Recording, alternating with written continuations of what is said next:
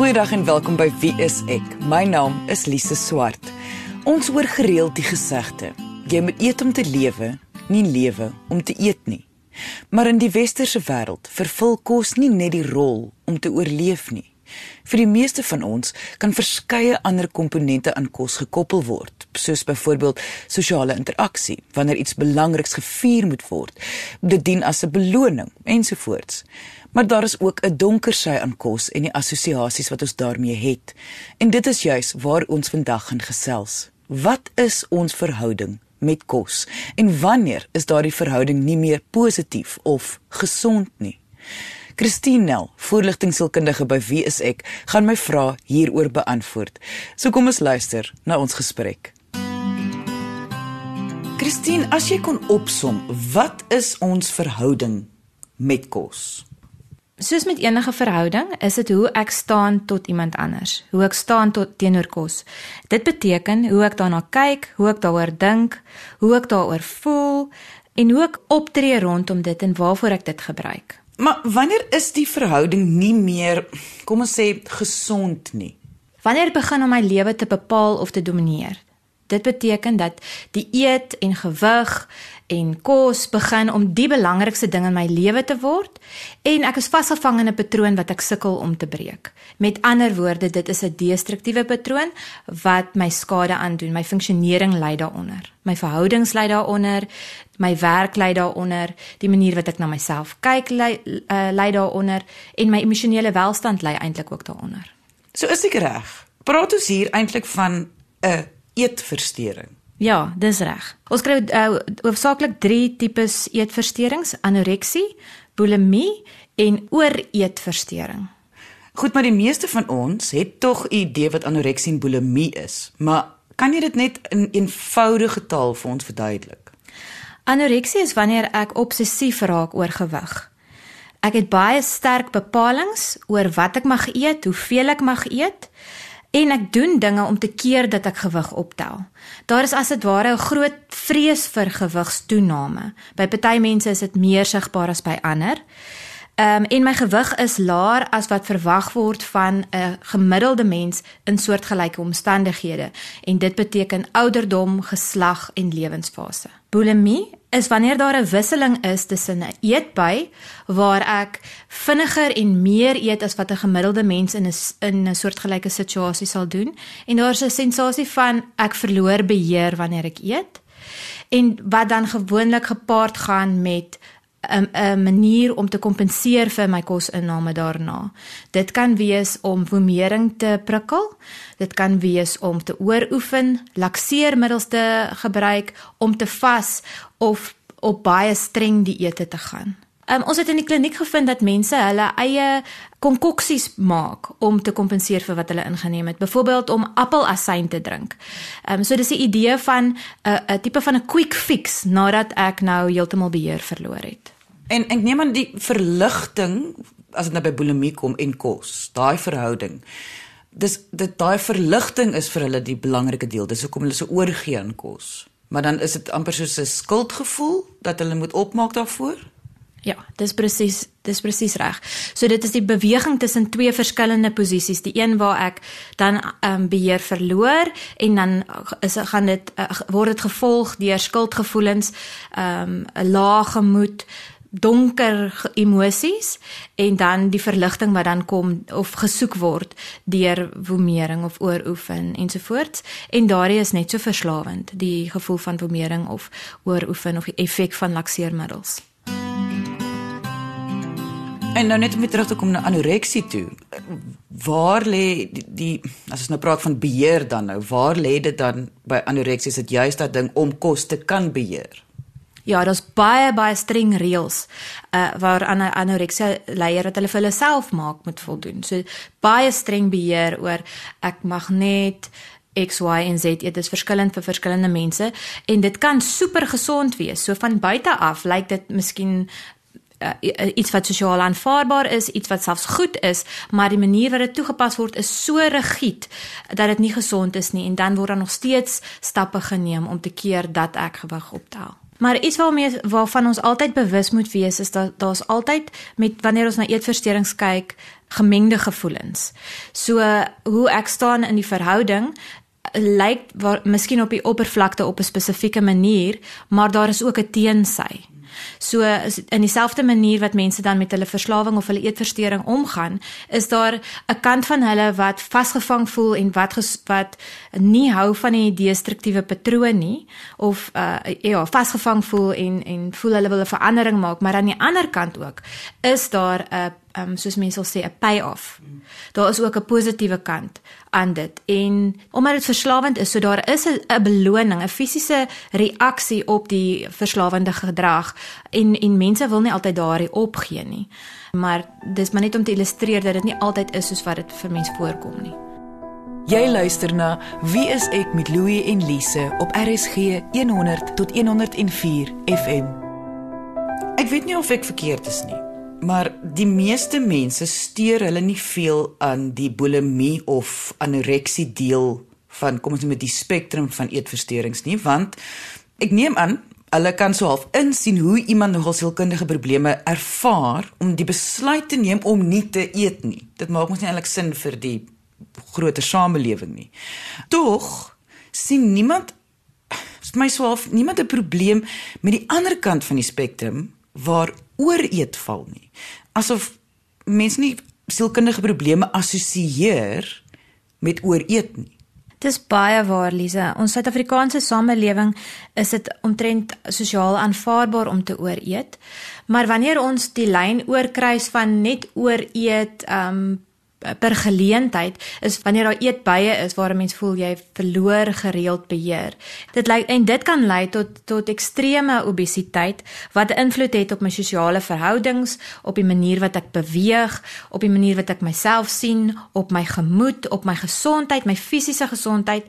En dit is alles dinge wat net so ernstig is as byvoorbeeld anoreksie en bulimie. Iemand wat ooreet, dis net die persoon self gaan bewus wees daarvan dat dit 'n probleem is. Ek ek weet nie of ek dit sal sê nie, want soms is 'n mens so in ontkenning dat jy nie bewus is daarvan dat dit regtig 'n probleem is nie.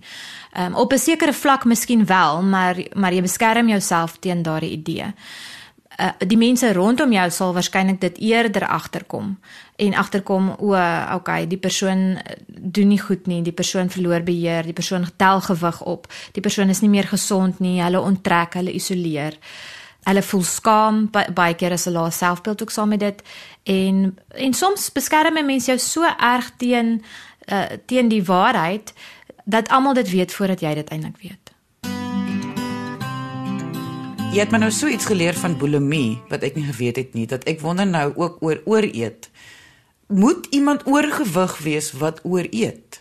Want dit voel vir my daar gaan mense wees wat sê net maar 'n baie goeie metabolisme het of hulle doen in elk geval baie goeie oefening, mm. maar daar's nog steeds daai ding van hulle ooreet. Ek dink die patroon is dan is nog steeds uh, kan nog steeds toksies wees of destruktief wees vir 'n mens. Dis eintlik waaroor dit gaan. Eerder as die volume. So dit dit gaan oor waaroor waarvoor gebruik ek die kos? Uh, wil en wat probeer ek medikeer want ehm um, comfort food, koesterkos word eintlik gepromoveer in die in die media. En dis nie noodwendig te sê dat daar iets fout is met dit nie, maar maar wanneer dit begin om my fokus te raak en wanneer ek dit begin ehm um, gebruik vir emosionele redes, dis dan wanneer wanneer ek moet begin terugstaan en en bietjie selfondersoek doen. Iets wat wat pasiënte in die kliniek al baie vir my gesê het is dat kos word soos hulle vriend kos word hulle hulle vertroueling en hulle selfmedikeer eintlik vir alleenheid deur te eet. So dan kry mense uh, wel nie net vrouens nie, mense wat snaakse ure na 24 uur winkels toe gaan um, en 'n groot volume kos koop en dan in in alleenheid uh, baie vinnig inneem en dit word dan soos spesiale tyd saam met hulle vriend amper kan 'n mens sê. Want daar's baie skaamte aan dit. Ek doen dit alleen. Dit isoleer my van ander mense en ek voel sleg daaroor. Maar daar is ook 'n 'n 'n payoff weer eens um, want ek voel ek spandeer tyd met my vertroueling. Daar is iets wat ek wel nie verstaan nie. Jy verwys ook nog die hele tyd na die verslawingsaspek. Maar die tog nie dat mense iets in 'n boksie wil sit nie, is 'n eetversteuring word nie gekategoriseer saam met verslawing nie. Maar wat jy nou hierso sê, daai verhouding is 'n verslawende verhouding. Ek dink ek dink dis 'n algemene idee dat 'n mens net kan verslaaf word aan drank of middels of goed soos dobbel. Maar 'n eetversteuring is 'n prosesverslawing net soos wat uh, byvoorbeeld seksverslawing 'n prosesverslawing is en dobbel 'n prosesverslawing. Dit gaan oor die proses rondom dit wat uh, waarin 'n mens vasgevang word. Dit word 'n patroon waaruit ek sukkel om te, uit te breek. Dis destruktief. Met ander woorde, daar's skade vir my daarin, maar ek sukkel om die om die patroon self te breek want 'n deel van my is fisies afhanklik daarvan. Dis een deel van dit, maar 'n ander deel van my wil ook graag daardie daardie beloning kant hê wat die proses aanhou laat uitspeel. Almal van ons het op een of ander manier 'n verhouding met kos. Vir sekere mense gaan dit oor gesond leef. Ander eet net om te oorleef. Daar is diegene wat hul sielkundige probleme probeer oplos deur middel van kos. Wat die geval ook al mag wees, 'n verhouding met kos kan in baie gevalle 'n persoon se lewe oorneem. Indien jy nou eers ingeskakel het en die eerste helfte van die episode gemis het, onthou jy kan na die potgooi gaan luister van vandag se episode op RSG se webwerf by rsg.co.za. Ek het die verskillende verhoudings met kos bespreek met Christine Nel, voorligtingsielkundige by Wie is ek. So kom ons luister verder na die gesprek. Christine voor die advertensiebreek het ons gesels oor hoe alle eetversteurings, het sy dit nou anoreksie, bulimie of ooreet is, gekoppel kan word aan sielkundige probleme wat 'n betrokke individu moontlik kan ervaar. Kan ons dalk net meer gesels oor daai sielkundige aspek? Lise onder liggend aan meeste eetversteurings is bindingsprobleme. Dit beteken probleme in my naby verhoudings met mense. En daar is dan aspekte soos probleme met grense byvoorbeeld. Wat vir my oukei okay is, wat nie vir my oukei okay is nie. Waar ek beheer het, waar ek nie beheer het nie. Wat is die rol van my verwag word in my verskillende lewensfases en hoe ek ondersteun is of nie ondersteun is nie om te ontwikkel op my lewenspad. In daai paadjie is daar verskillende behoeftes op verskillende tye en wanneer daai behoeftes dan nie beantwoord of bevredig word nie, kan dit vir my amper net vashak by daai tema of probleem wat dan kan uitgedruk word in angsversteurings, in gemoedsversteurings, in ander verslawings en dan baie keer ook in 'n eetversteuring. So ons sien baie gereeld dat mense eetversteuring het en tergelykertyd ook 'n ander sielkundige probleem. En onderliggend aan aan beide daai tipe probleme is regtig 'n diep gewortelde probleme in my siege. Dit is ernstig. 'n Eetversteuring is eintlik 'n baie ernstige probleem. Dis 'n baie ernstige probleem en dis dis 'n komplekse probleem en dit het risiko's vir my emosionele self en my emosionele uitlewing van myself en my verhoudings, maar daar's ook baie ernstige fisiese of liggaamlike risiko's vir eetversteuring. Soveel te meer dat ons moet aandag gee daaraan. In die westerse wêreld weet ons almal dat die media, oral waar jy lees en sien, gaan dit oor die maar vrou. Die vrou wat moet die perfekte lyf hê. En dit soos ons almal weet, veroorsaak baie druk en en en ek kan dink dit moet tog deel wees van die pad na 'n eetversteuring albei kante van die spektrum bulimie anoreksie en ooreet daai moet tog geweldige angstigheid veroorsaak dat ek kry dit nie reg nie of ek moet so wees of ek is so maar ek kom dit nie agter nie Ja, jy het dit nou eintlik baie mooi opgesom, maar wees in die westerse samelewing word gesien as 'n prestasie. En omdat vrouens met eetversteurings is baie keer baie gedrewe vrouens. So dan stel hulle vir hulle self soms onrealistiese uh hoë standaarde wat wat hulle moet opleef of dit nou anoreksie of bulimie is en hulle kan net nie daarbey uitkom nie. En so veroorsaak dit soos jy gesê het, baie druk, baie angs en um heeltyd 'n lat waarmee ek myself kan pluk en bevestig dat ek nie goed genoeg is nie. Jy luister na Wie is ek met Louie en Lise op RSG 100 tot 104 FM. Maar tog, ek wil net hier byvoeg. Wanneer iemand oorgewig is, beteken dit nie dat hulle het 'n eetversteuring nie. Net soveel soos wanneer iemand maar is, beteken dit ook nie hulle het 'n eetversteuring nie. Ons moet daai seker net duidelik maak. Dis baie belangrik, ja, want dit gaan oor die proses eerder as die detail. So dit gaan nie regtig oor my gewig nie. Dit gaan oor wat is onder dit. Wat is die patroon wat uitspeel? As die patroon een is van baie streng beheer en anoreksie of geen beheer soos tydens 'n eetby nie, dan dit is waar die probleem lê. Dit gaan nie oor die gewig nie. In jou woorde, wat is 'n gesonde verhouding met kos? 'n Gesonde verhouding met kos Weer eens soos wanneer 'n mens na die probleem kyk van 'n ongesonde verhouding met kos, moet 'n mens kyk wat's onder dit. So wanneer daar 'n gesonde verhouding met kos is, beteken dit ek is in voeling met my liggaam. Ek weet wanneer het my liggaam wat nodig en ek kan mooi daarna kyk deur die regte kos op die regte tyd te gee. Gebalanseerde hoeveelhede gesonde en ongesonde kos. Maar ek is ook in voeling met my emosies. Ek kan my emosies herken. Ek kan op 'n gesonde manier uiting gee daaraan en ek leef nie my emosies uit of onderdruk hulle of probeer hulle ontvlug deur te eet nie. So emosionele gesondheid is sentraal tot herstel in hierdie proses. Goed. Dit is glad nie 'n opsie om nie te eet nie, want selfs al wil sekere mense dit nie glo nie, ons kan nie oorleef deur nie te eet nie. So, hoe spreek 'n mens 'n ongesonde verhouding met kos aan? Want dieet is ook nie altyd die beste opsie nie. Ja, Lisa, in hierdie situasie is ek eintlik 'n bietjie allergies vir die woord dieet. Want daar is nie 'n quick fix vir vir 'n eetversteuring nie. Dit is nie en wanneer ek dan nou fikseer op 'n die dieet, gaan ek nou net die hele patroon versterk. So wat soos wat 'n mens met seksverslawing kyk na 'n prosesverslawing, is dit belangrik om te werk na 'n sober punt toe. Dit beteken 'n mens stel vir jouself 'n doelwit waar jy kan kos inneem soos wat jy dit nodig het in gebalanseerde hoeveelhede, soms gesond, soms ongesond. En ek het nog steeds kontak met my liggaam en my emosies. Dit is waartoe ek wil werk. Maar voor dit moet ek ook baie mooi kyk na wat is my siklus? Wat is my patroon? Want hoe meer ek bewus is daarvan, hoe meer kan ek bewus raak van 'n alternatief. Met ander woorde, hoe kan ek dit anders doen? Wat kan ek doen met my emosies wanneer ek die drang ervaar om 'n eetby te hê? Wat is my alternatiewe? Wat is my ander opsies? En op daardie manier kan ek dan die patroon breek.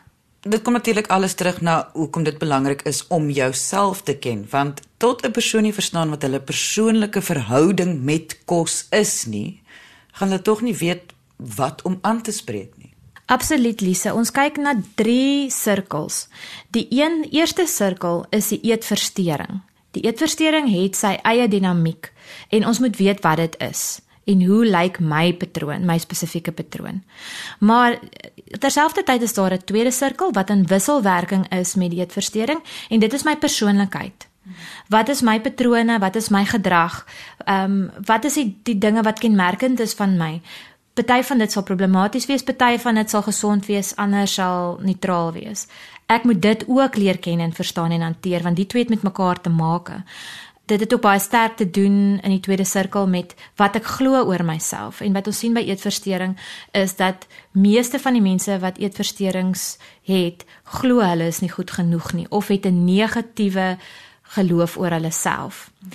En dan is daar 'n derde sirkel wat my lewensgeskiedenis voorstel. Hy oorvleuel ook met die ander twee sirkels. En my lewensgeskiedenis is my unieke storie.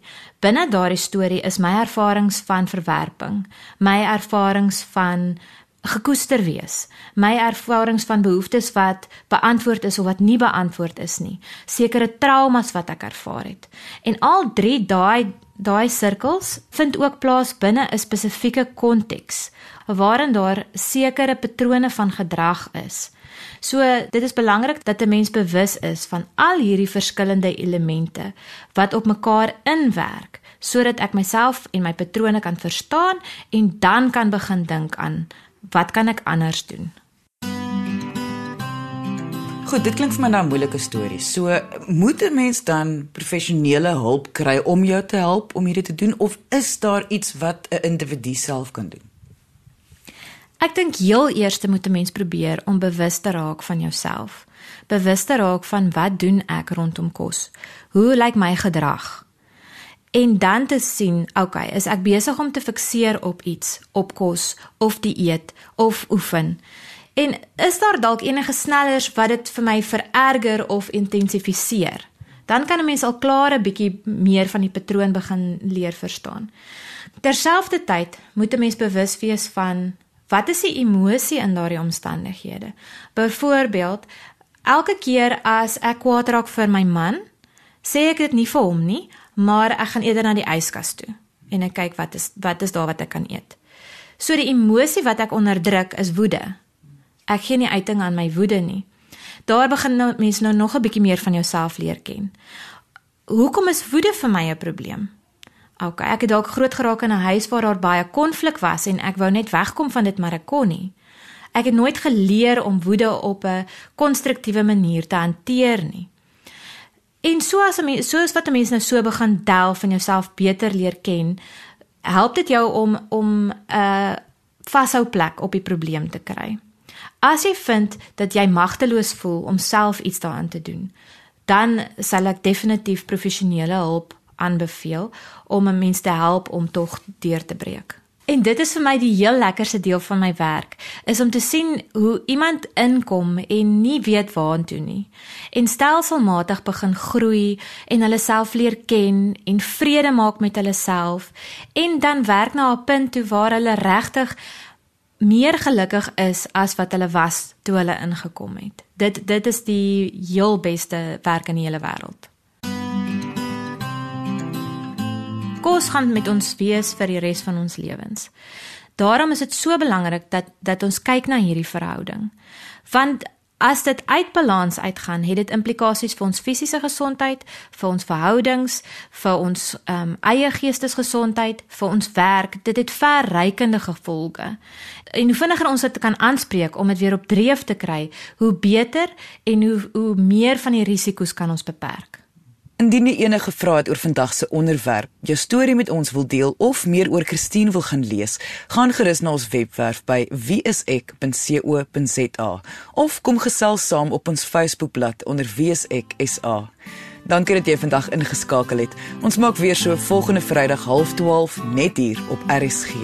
Jy moet 'n heerlike naweek hê en onthou, kyk mooi na jouself.